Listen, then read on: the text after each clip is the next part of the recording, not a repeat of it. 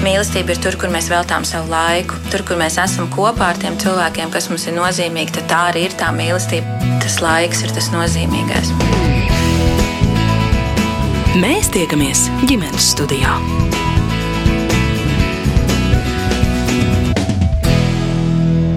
Labdien! Mani sauc Mārcis Noteņš, un šodien ciemošos pie Rūtas Milgrāvis ģimenes.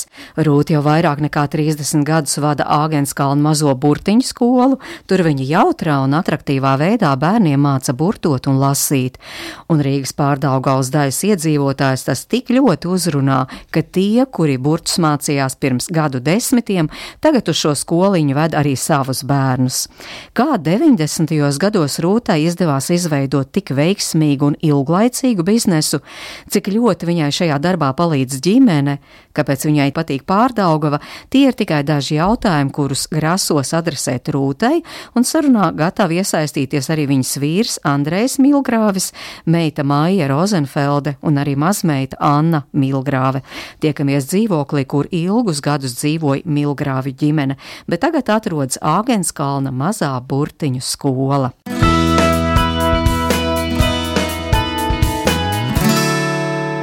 Nu, es pilnīgi noteikti esmu pārdaugaus cilvēks. Uzaugu Ilģu ciemā. Un pēc tam ilgus uh, gadus sanāca tā, ka tomēr dzīvoju ķēngaragā, bet es ieprecējos atkal šeit Āgenskalnā. Un tas tiešām ir tāds kaut kas ļoti sirsnīgs un jauks, kas man ar visu šo te Daugavas pusi saista. Un burtiņu skola šeit izveidojās tikai tāpēc, ka mēs šeit jau dzīvojām.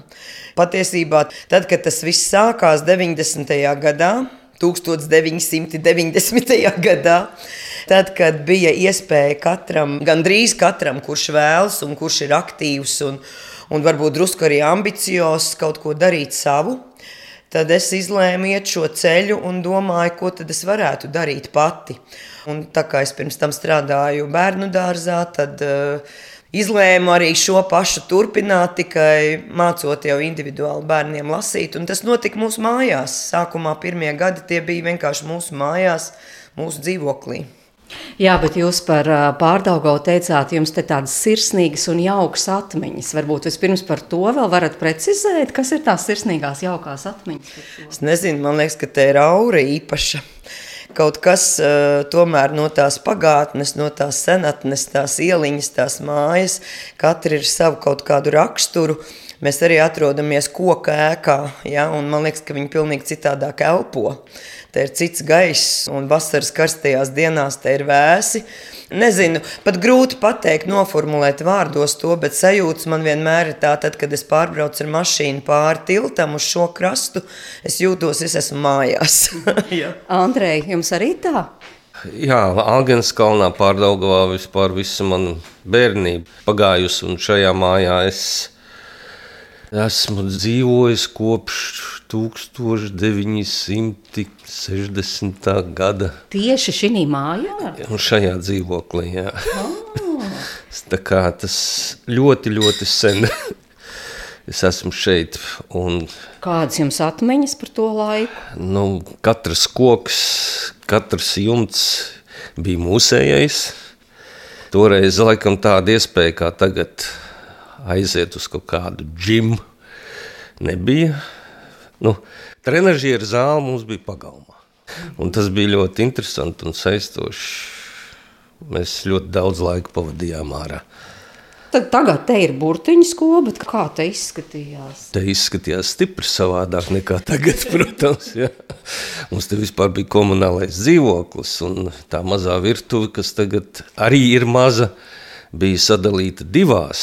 Un, un, un tad dzīvoja divas ģimenes Patiesībā šī vieta vairs nav tā, kas bija tad, kad es biju mazs puika.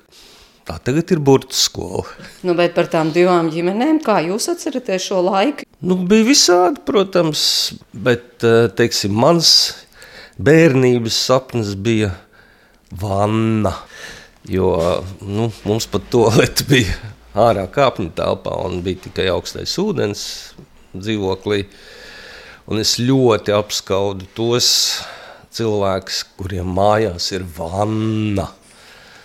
Un tur var, nu, ko tik tur nevar darīt. ne tikai mazgāties, bet vienkārši interesanti pavadīt laiku siltā ūdenī. Jā. Nu jā, nu tagad, protams, tas viss ir mūsdienīgots, normāls eiro remonts, attiecīgi jauna logi, nokrāsotas sienas. Māja, ko jūs zināt par šo laiku? No vecāku stāstītā varbūt. Nē, nu es jau arī šeit uzaugu līdz 16 gadiem. Šīs ir arī manas bērnības mājas. Runājot par vannu, kura nebija, es uh, savā dzīves laikā kādreiz pieredzēju to, ka viņa tika šeit iebūvēta. Tas bija pieliekamajā, kurš tagad atkal ir kļuvis par pieliekamo. Bet kā reizi, nu, tad, kad šī otra ģimene izvācās. Neatceros, protams, bija ļoti maziņi, kad tas notika. Tā precīzi neatceros, bet pēc tam arī sāka notikt dažādas pārvērtības un tāds remonts ļoti daudz gadu garumā.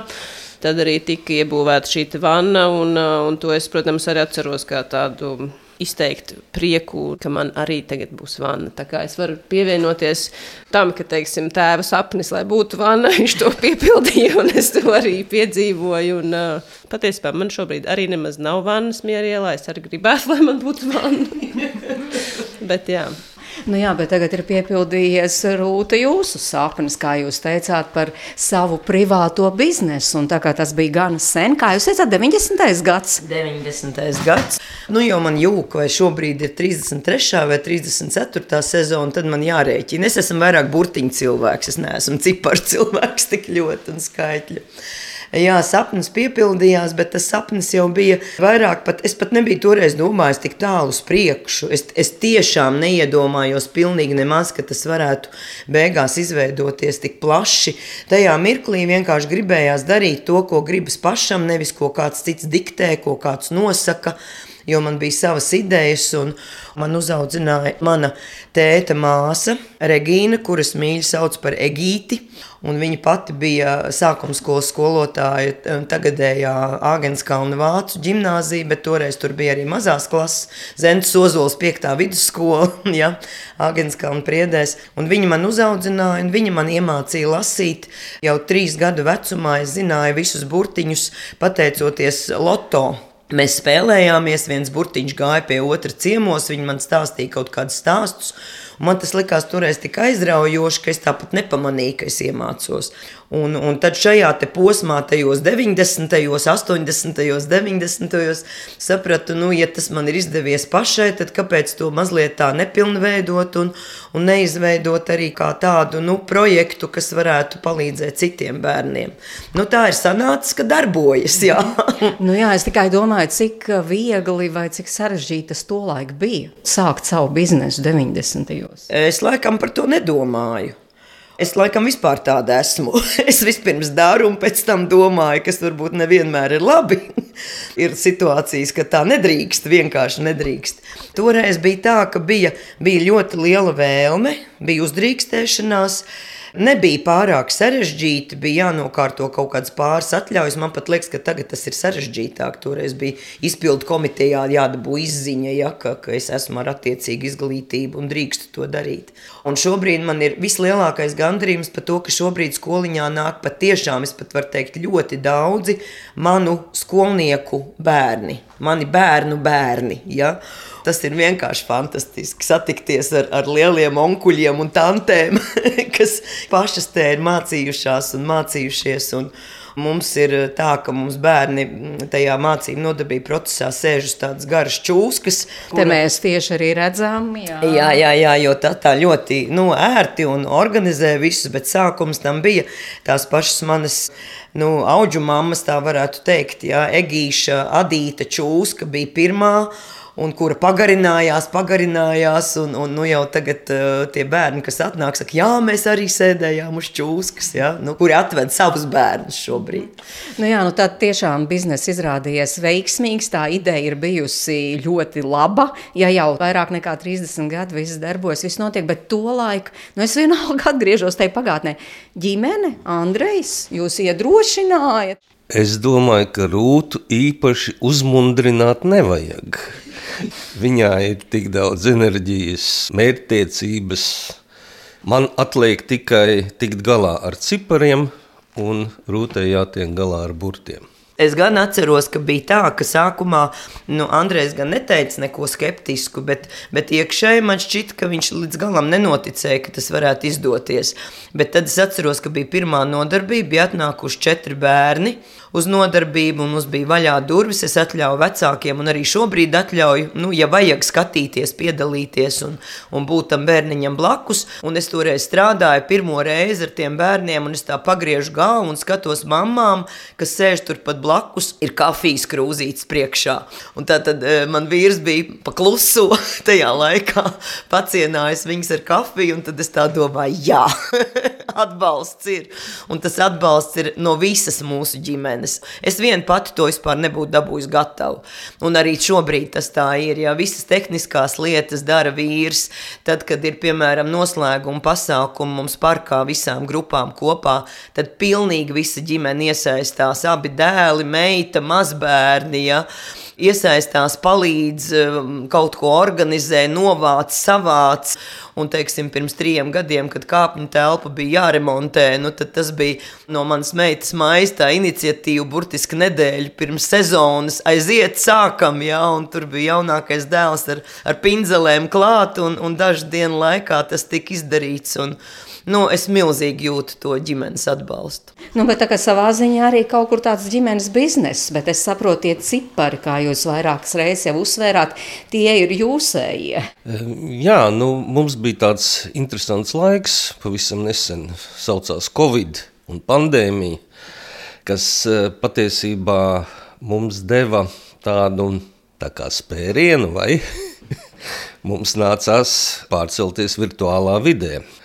Tika filmētas nodarbības, sākumā mums bija profesionāls operators, pēc tam es vienkārši paņēmu telefonu Mūsdienās jau pat filmas var uzņemt ar telefonu. Nav vajadzīga dārga un ekskluzīva aparatūra. Ja teiksim, tāpat Renāta Litvīna savus filmas filmē ar fotoaparātu, tad eh, mēs rūtas video nodarbības filmējām ar telefonu. Man nācās apgūt šādas tādas programmas, lai varētu to materiālu pēc tam apstrādāt, samontēt. Nu, tas bija vispār ļoti interesanti. Mhm. Nu, bet, eh, nu, daļēji tā tad piedalāties šajā biznesā, bet jums taču ir arī kaut kas savs darāms, vai ne? Nu, jā. Meita man lika atkal strādāt vec, uz vecumdienām. Es tik labi un laimīgi jutos pensijā, un tagad atkal es esmu IT jomā, šoreiz gan Latvijas Mākslas akadēmijā. Nu, tad varbūt māja kaut ko par šo piebilst. Re, kā tēvs saka, neļāvāt tā mierīgi baudīt senioru dzīvi. Jā, nu, ko tur daudz piebilst. Droši vien, ka mums ģimenē kaut kur tā mīlestība pret darbu ir uh, ielikta un uh, izaudzināta jau no mazām dienām. Un, un gan jau ka kaut kur es jūtu, ka, ka tēvam ir tik daudz tās zināšanas, ka viņas ir jāturpina pielietot, nav ko sēdēt mājās. Bet eh, kas noteikti ir interesanti, ka veidojas šī pēctecība tieši tajā izglītības jomā, jo ir eh, Egītis, kas ir bijis iepriekš eh, manai mammai, kā pirms tam nu, tāds paraugs savā ziņā. Mana mamma šeit ir burtiņu skola, un es arī beig beigās esmu nokļuvusi Mākslas akadēmijā, un arī esmu pedagogs, arī strādāju ar burtiem, tikai no vizuālās puses attiecīgi Māma māca burtus lasīt, es vairāk mācu burtus zīmēt un ar tiem strādāt grafikas dizainā. Nu, tas nozīmē, ka vērojot no malas to, ko dara mamma, tas ir šķits saistoši un interesanti. Es pat nezinu, vai tas ir tā apzināti. Gan jau, pilnīgi noteikti, bet tas vairāk ir, manuprāt, tā iekšējā vēlme kaut ko, ko es pati māku un zinu, jo man ir arī sava dizaina studija, arī savs biznesa Kid design. Tas nozīmē arī bērns, ja tā kā kaut kur droši vien tas viss uh, slēdzas kopā. Bet uh, es pieļauju, ka tās lietas uh, gan tā biznesa domāšana, sava ceļa iešana un tomēr arī tā vēlme padalīties ar tām zināšanām tālāk ir, ir arī vainagojusies tajā, kur es esmu šobrīd. Jā.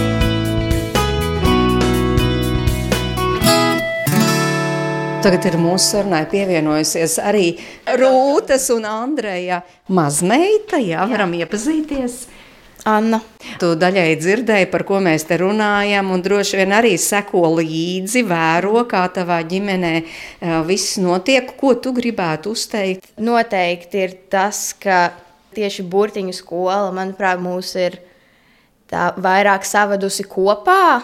Jo, piemēram, es arī gāju, es arī mācījos desmit gadi pagājuši. Bet, nu, vismaz manuprāt, Mama ir atradusi ļoti interesantu un ļoti labu veidu, kā bērniem pasniegt šo vielu, mācoties burtus. Un šobrīd jau ir tā, ka Anna nāk man palīdzīgā, līdz ar to, ka es esmu drusku nu, sabeigusi savus balss saites, ja ikdienā visu laiku no rīta līdz vakaram runājot, runājot. Ziemassvētki ir tas laiks, kad, kad Anna ir mans algotais darbinieks, jo viņa nāk dziedāt. Anna ārkārtīgi skaisti dzied. Maija gan arī visi mēs dziedam, bet, bet es jau vairāk šobrīd rūcu un, un teiksim, arī tad, kad bija kādreiz mums nometnes skoliņā, nu jau vairs sen nenotiek, bet kādreiz, kad bija, tad arī Anna nāca un palīdzēja. Un mums ir arī Annas brālīts Artūrs, kurš šobrīd ir aizgājis jau pirmajā klasē šogad. Viņš arī nāca burtiņu skolā, jā, un tā kā tas viss, nu, man, lai gan maiju tu gan neesi nākusi, vai ne? Tu pat nemācījies, tu biji, tu automātiski iemācījies lasīt, vienkārši vērojot to, kas te notiek.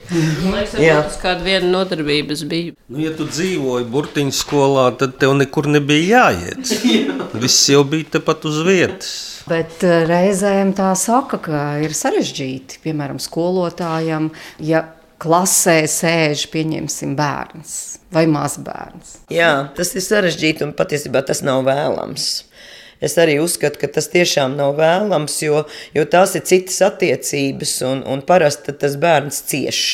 Un man liekas, arī tai mammai vai tētim nav viegli strādāt, ja tas ir viņa bērns, kas ir jāmācās. Tās ir citas attiecības.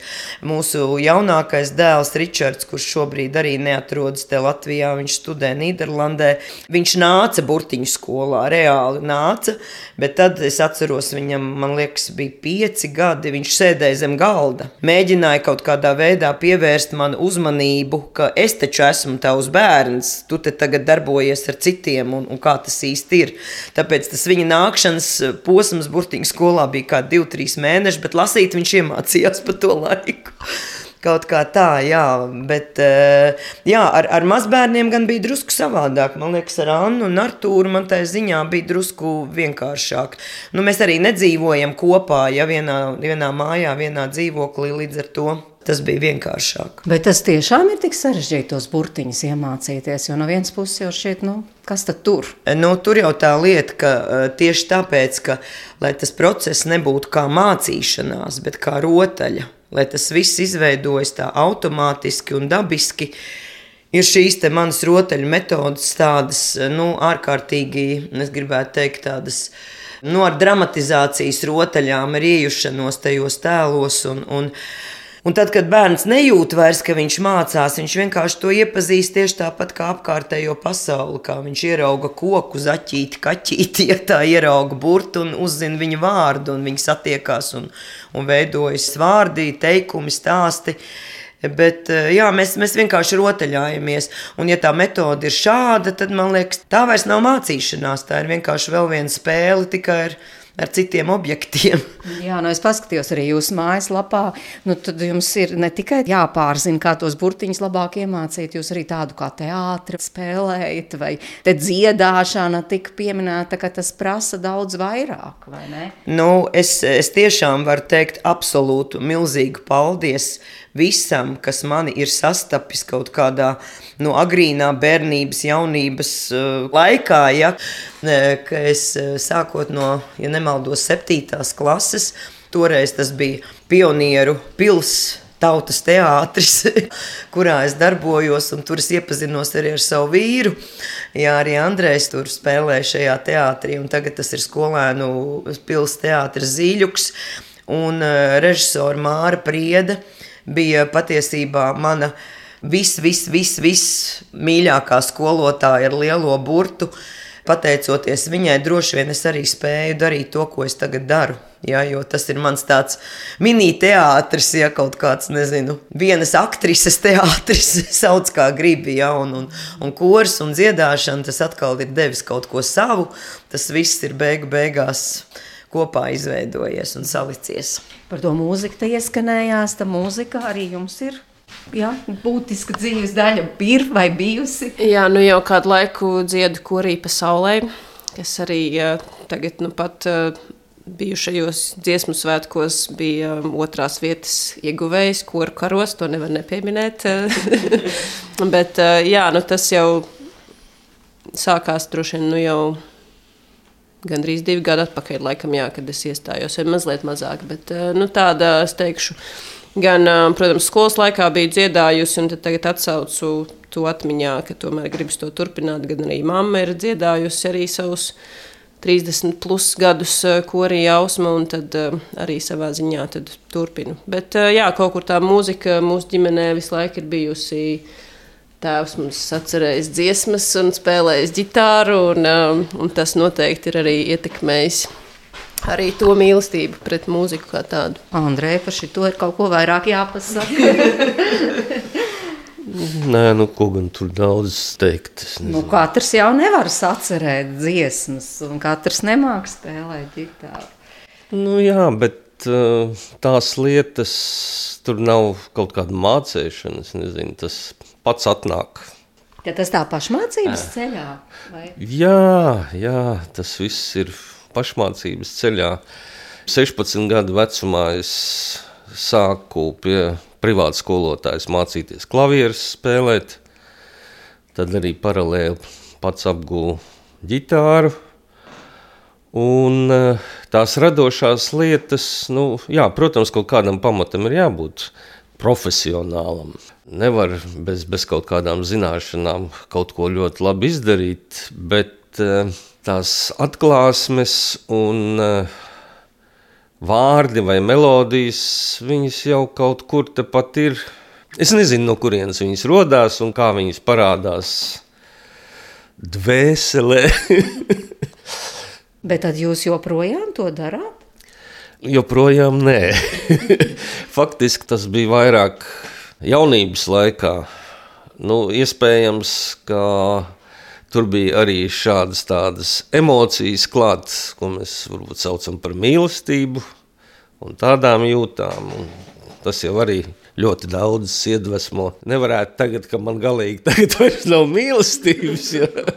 bet, nu, protams, tās sajūtas tagad ir bišķiņ savādākas un šad tad paretam es paņemu ģitāru rokās, bet vairs, protams, netik bieži kā kādreiz.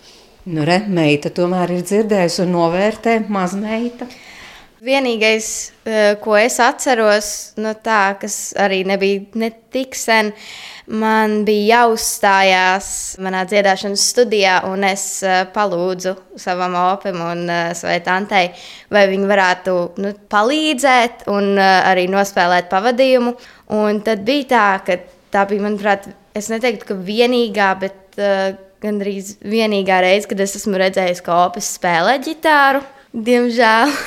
Bet, manuprāt, bija ļoti jautri tas viss process. Pavadīt laiku kopā un mācīties tos akordus. Ko jūs dziedājāt? Nu, man bija Oblādija, oblādā, jā, tā bija tā dziesma, un eh, man bija koncerts kā sezonas noslēgums. Un eh, tad bija tā, ka es spēlēju ukuleli un dziedāju, opis spēlēja ģitāru un uh, Tante spēlēja arī ukuleli. Kas ir tante? Ah, māja! Tā uzstāšanās bija tā pārsteigums Rūtei. Viņa par to neko nezināja. Tas viss līdz pēdējiem brīdim tika turēts noslēpumā. Un, un tu pat vari pateikt, vai tas tev bija pārsteigums vai nē, kad mēs visi trīs uzkāpām uz tās skatuves. Vai tad rūta, kas jums kāda jubileja bija? nē, tas bija, tas bija koncerts, kurā es zināju, ka Anna piedalīsies, jo reizi gadā šādi koncerti notiek, un es vienkārši sēdēju skatītāju zālē, Un tad kaut kā īsi pirms Annas uzstāšanās aiziet un pieceļās mans vīrs kaut kur aiziet kaut kur, kaut kur ārpusē un, un tad piesaka Annu un es skatos, ka kāpju skatus visi trīs, mans vīrs, mana meita un mazmeita. Tas bija, nu, es to nemaz vārdos nevaru pateikt. Man asaras bija un, un, un, un, un starojums vis, visāds. Jā. Es nezinu, tas bija vienreizē dzirdēt viņus visus trīs kopā uz skatuves un redzēt un sajust to visu. Nu jā, nu tad varbūt uzticamies telefonam un mēģināsim atskaņot, kā jums tas viss ir izdevies.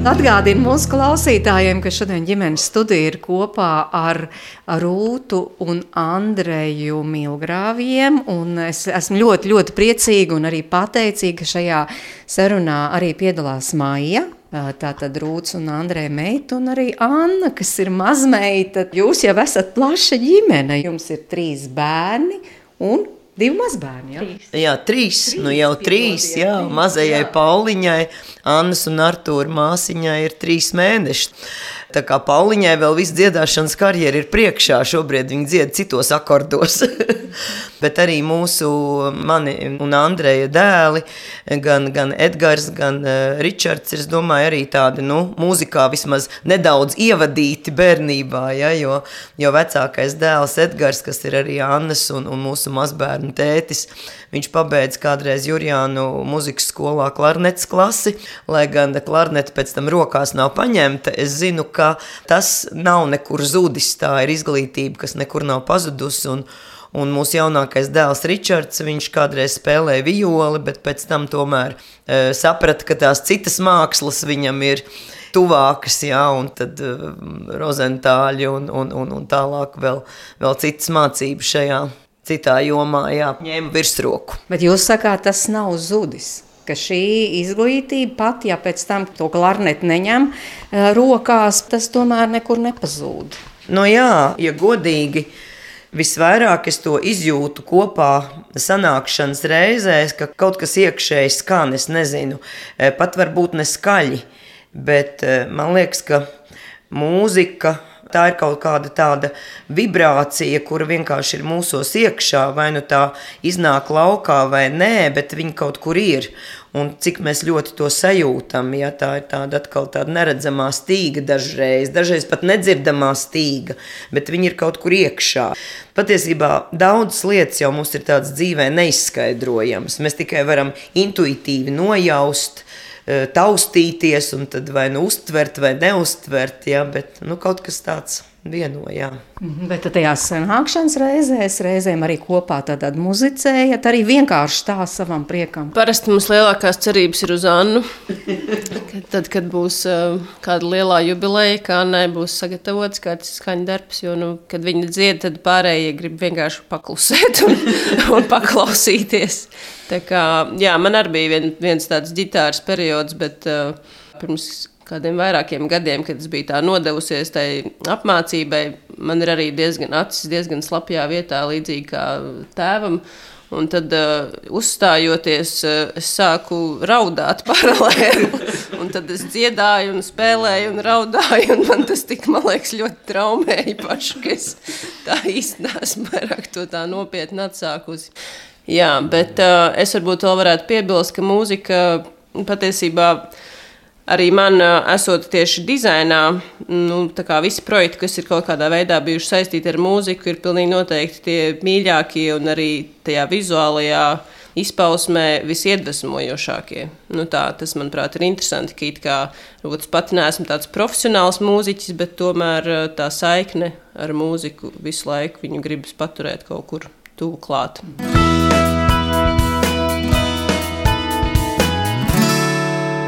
Bet uh, jūs jau stāstījāt, jūs iepazināties tātad spēlējot teātri. Ja? Nu, jā, mēs iepazināmies bet es tad vēl biju pavisam maza, es biju bērns. Tagad Anna mācās 8. klasē, es toreiz biju 7. kad es aizgāju uz skolēnu pili. No Andrēs ir uh, gadus, cik gandrīz četrus par mani vecāks, un tad jau man likās, ka viņš ir vīrietis tajā laikā. Es esmu absolūts bērns, bet kaut kā, jā, tā sanāca, ka, ka mēs nezinu, blakus atrodoties un, un, un kaut, kā, kaut kā nostrāvojām. Un, un nezinu, kas Andrejam tajā mazajā meitenē kaut kādā spurainajā tur iepatikās, ja, bet Andreja 20. dzimšanas dienā šajā telpā, kur šobrīd mēs sēžam, es pirmo reizi atnācu ciemos un uh, kaut kā mēs pēc tam palikām kopā un nu jau 40 divi gadi, ja, kopš mūsu kāzu jubilejas. Jā. Prasīšu tūlīt arī Andrejam, bet nu, kas jums tur iepatikās tajā, kā jūs teicāt, jau tajā gandrīz vai nobriedušajā vīrietī? es, es tagad grūti man pateikt, nu, man liekas, ka uh, viņš tajos savos 20 jau toreiz izcēlās ar kaut ko ļoti atšķirīgu un savu. Man šķiet, ka viņš nekad nav domājis par to, kā viņš izskatīsies no malas. Viņš vienkārši iet savu ceļu. Un ir daudzas lietas, kuras es varu vienkārši apskaust, un ļoti daudz ko es no viņa esmu mācījusies.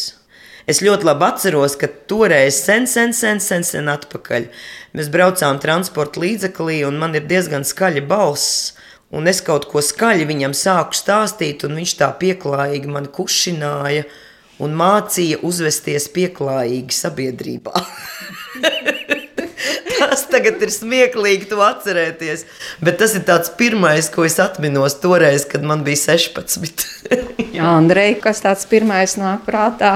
Mēs jau vēl pirms precēšanās mēs kādus piecus gadus vienkārši draudzējāmies. Tagad cilvēki vienkārši dzīvo kopā, vai ne? Tur nav tāda īpaša reģistrēšanās procesa. Man, man liekas, tad, kad jāsāk dalīt mantu, tad cilvēki varbūt arī sareģistrējās oficiālā laulībā, bet tā, nu, patīk cilvēks dzīvo kopā un miers. Bet to laiku jau tā, tā, nevarēja. Ja? Kaut kā tas nebija tā pieņemts. Jā. Kāzas atceraties? O, jā, protams, protams. Kādas tas bija? Tās bija laukos, pat netālu no Rīgas plakanciemā, jā, pie draugu vecvecākiem mājās. Mēs tur taisījām nojumus, lai viesiem būtu kur paglāpties, ja būs lietus. Un, starp citu, man arī mans kaimiņš, dzīvokļa kaimiņš, Aivars palīdzēja to visu darīt. Un, nu, vienkārši no plēves, no, no, no, no mietiem saslējām tādu nojumu. Un es ļoti labi atceros, ka tajā vakarā līja šausmīgs lietus. Un, uh, mēs pat dabūjām griezt to plēvu pušu, lai tas ūdens, kas bija sakrājies iekšā, lai tas viss nesagāstos, lai iztecētu ūdens ārā. Un es ar šausmām domāju, kas būs rīt, nākošajā dienā kāzas. Un, bet nākošā diena bija Es paturpināšu. Bija ārkārtīgi interesanti. Mūsu kāzu auto izvēlējāmies kā tādu kabrioletu, seno laiku, ja retro auto. Toreiz, kad mēs braucām, tepat blakus sloks ielā bija toreiz Zaks, ja, kur mēs reģistrējāmies.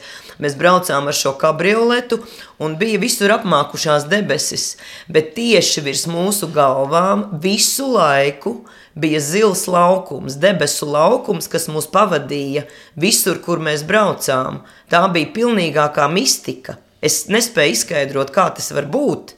Bet mums virs galvām bija šis gaišs zilais laukums.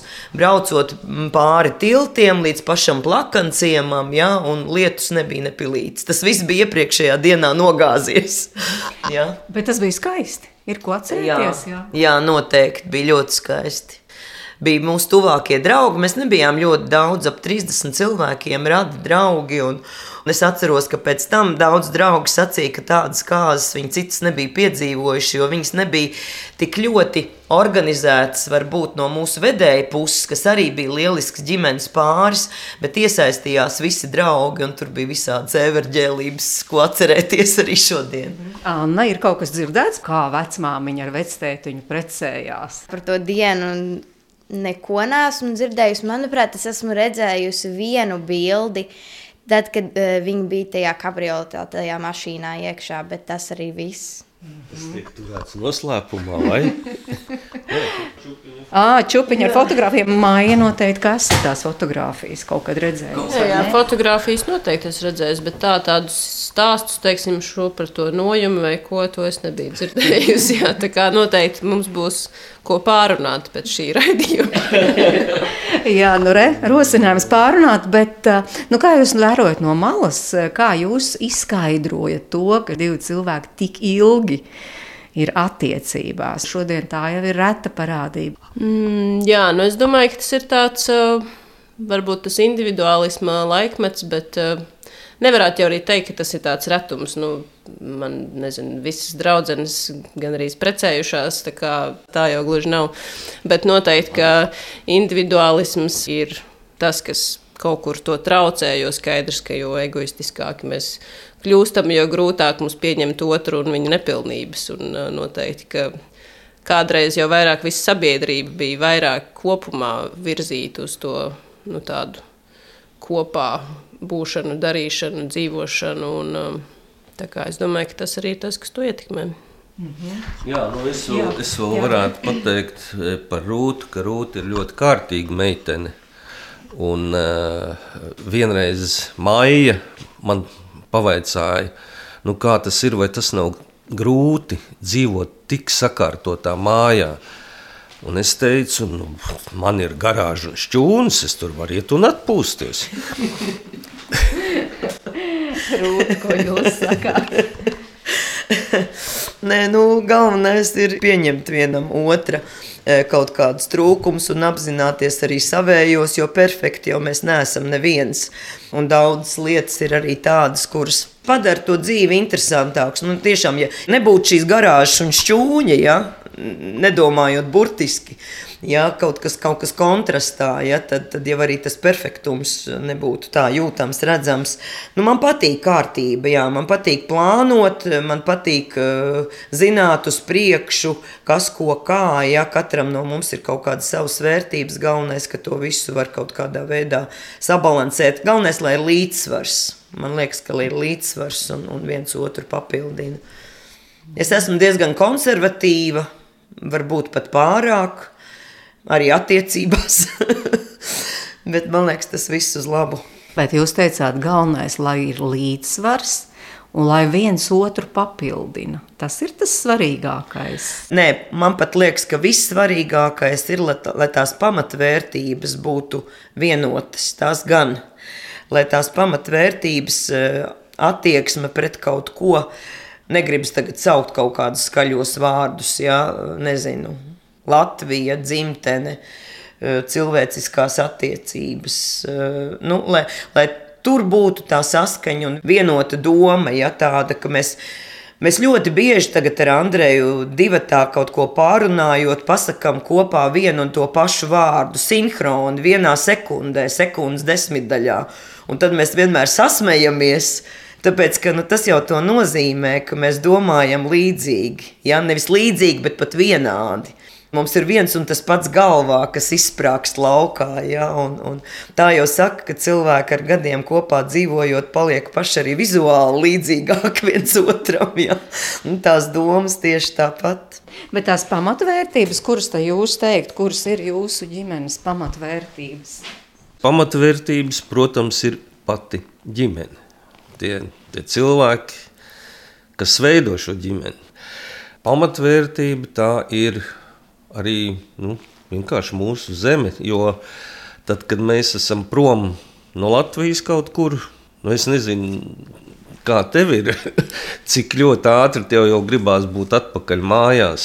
Jo, nu, Nekādās ne Jaunzēlandēs, ne Amerikās, nu, nekur, kur es esmu bijis, man nav bijis tā, ka es tur gribētu palikt un dzīvot. Man vienmēr gribas atgriezties mājās. Jā, un man šķiet, vēl arī tas vienojošais, es patiesībā nu pat tikai par to iedomājos, ir tas, ka man liekas, gan Andrejs, gan es, un arī mūsu bērni, mēs ļoti, ļoti cienam un novērtējam to, eh, kas ir noticis mūsu ģimenēs pirms mums. Mums, teiksim, mājās ir milzīgs, eh, tāds, kā es saku, vēsturiskais skapis, ja, kur var atrast eh, gan, gan Andreja vectēva dienas grāmatas, gan manu vectēva dienas grāmatas. Viņi ļoti rakstīja par katru dienu ar zīmoli. Ir tādi pieraksti, aizkustinoši. Ja ir, ir dažādi priekšmeti. Andrejam tēvs bija Latvijas armijas virsnieks, lidotājs, kurš bija izsūtījumā Sibīrijā.